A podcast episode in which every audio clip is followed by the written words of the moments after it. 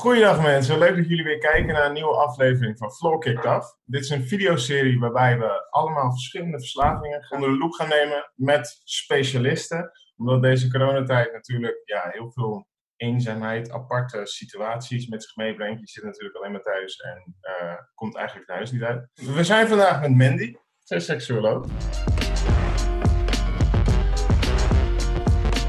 Hallo, Mandy.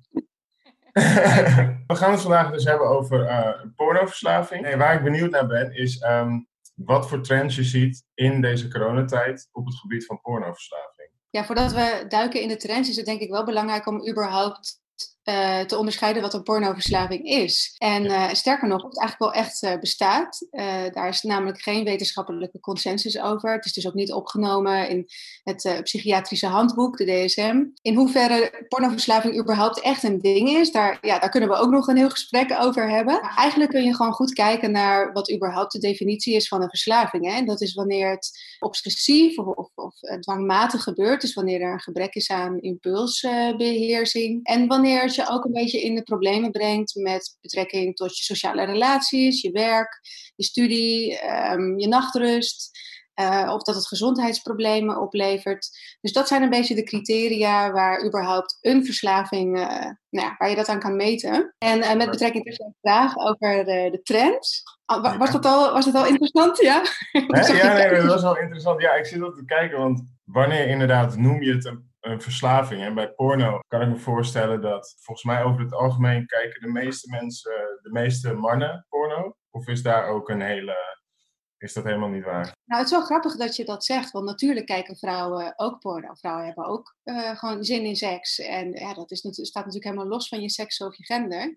Maar het is wel zo dat, dat, dat het idee van een pornoverslaving of veelvuldig porno kijken onder vrouwen een nog groter taboe is. Want zoals je eigenlijk al laat zien, van ja, vrouwen kijken niet zoveel porno, toch? Dus dat maakt het voor vrouwen nog lastiger om daarmee dan naar buiten te komen als ze er wel een impulscontrole uh, probleem van ondervinden. Dus je hebt wel eens meegemaakt dat je hoort dat een vrouw dus verslaafd is aan porno? Nou ja, ik ben ook een vrouw en ik heb ook wel veel, veel porno gekeken in het verleden. Ja, dus uh, wat ik wel vaak zie is dat er in ieder geval heel veel uh, schaamte en schuldgevoelens om me heen hangt. En ook als je kijkt naar de uh, berichten die op internet circuleren over gezondheidsproblemen rondom pornoverslaving, zoals problemen met het krijgen van een erectie of het behouden van een erectie of voortijdig klaarkomen, dat wordt toch wel vaak toegeschreven aan een pornoverslaving, met name vanuit Amerikaanse en, en rechtsreligieuze kringen. Ook als je kijkt op uh, YouTube, als je alleen maar intikt uh, tips pornoverslaving, ja, alle eerste zoekresultaten, dat, dat is allemaal religieus geïnformeerd. Het zijn allerlei bijbelse kanalen en het heeft ook een beetje bijbelse titels. Uh, God heeft mij bevrijd van porno bijvoorbeeld. Wat ik bedoel is dat, dat er vooral vanuit religieuze kringen veel meer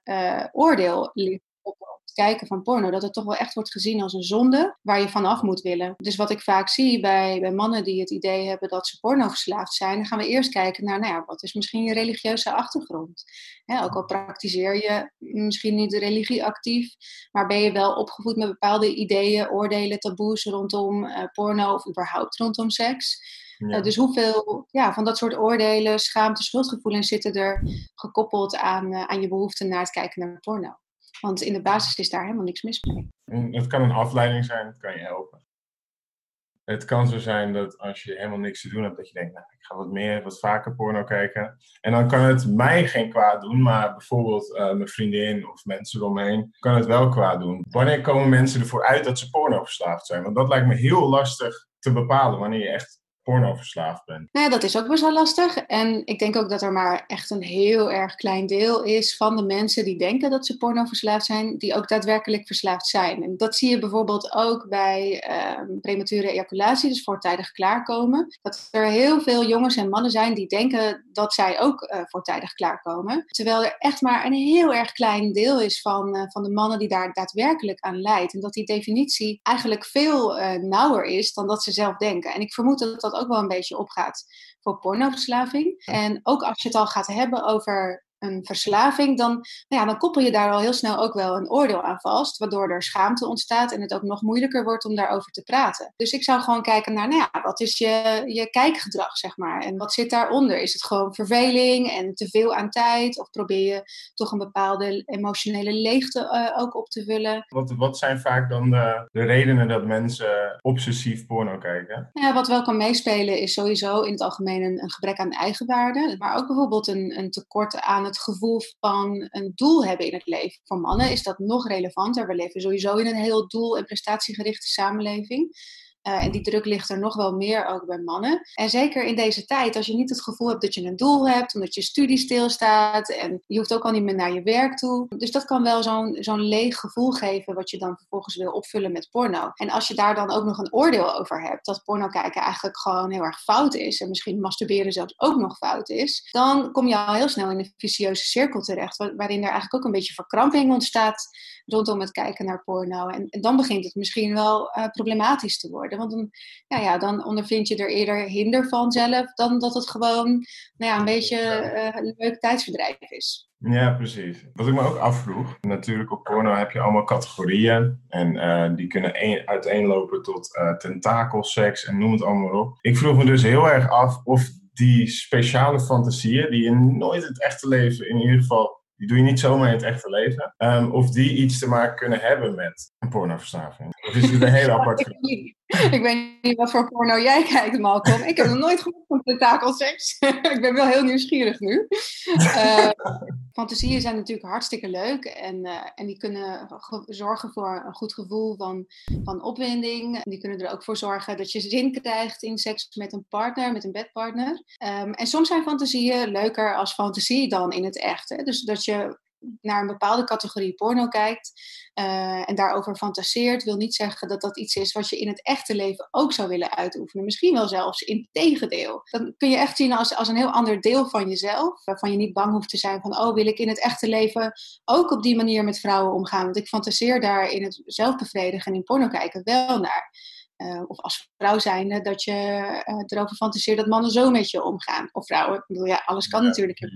Dus ja, fantasie en realiteit zijn wel echt twee verschillende dingen. En dat geldt natuurlijk sowieso voor porno. Porno is, is een fantasie. En... Heb jij tips voor studenten die dus nu thuis zitten, die uh, misschien wel alleen zijn of met hun relatie, hoe ze zichzelf seksueel kunnen vermaken en met hun sexual being kunnen connecten in deze crisis? Mooi wat je zegt, being. Want ik zeg ook altijd dat we allemaal seksuele wezens zijn.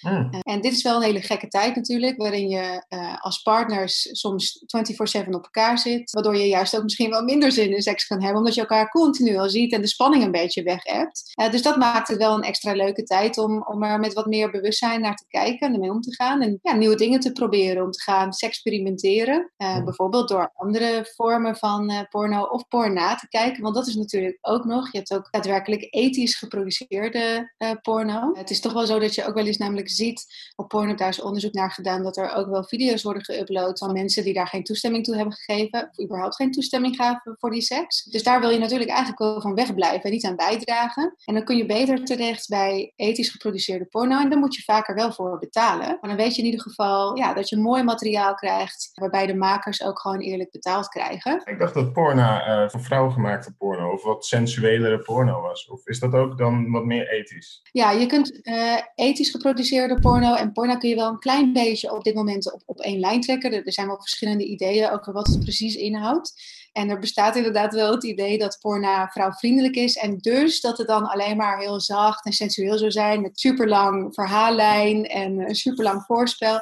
Maar dat hoeft helemaal niet per se. Want vrouwen kunnen ook gewoon van keiharde neukseks houden. Dus ook in, porno, in het porno segment vind je ook gewoon allerlei soorten um, porno. Maar het, het, gaat wat minder om exclusief het genot van de man. Dus het is ja. ook gewoon wat meer gemaakt vanuit het perspectief van de vrouw. En dat zij ook aan haar trekken komt. En je vroeg nog naar tips voor de singles ook. Ja, precies. Pak deze tijd ook misschien wel een beetje om juist je lijf en je seksualiteit echt te onderzoeken en nieuwe facetten aan je seksualiteit te ontdekken. Weet in ieder geval dat masturberen en ook porno kijken, dat daar in de basis helemaal niks mis mee is, dat dat gewoon gezond is. En je kunt natuurlijk ook um, op afstand met iemand seks hebben. Zo heb je allerlei teledildonics met toys die gewoon via een app bestuurbaar zijn. Dus dat kan ook een hartstikke leuke aanvulling zijn. Telefoonseks? Ja, bijvoorbeeld. Wat handig is aan bijvoorbeeld Instagram, als je met je partner via Instagram zou communiceren, is dat die filmpjes ook verdwijnen. Ik heb het toevallig onlangs met een vriendin gedaan,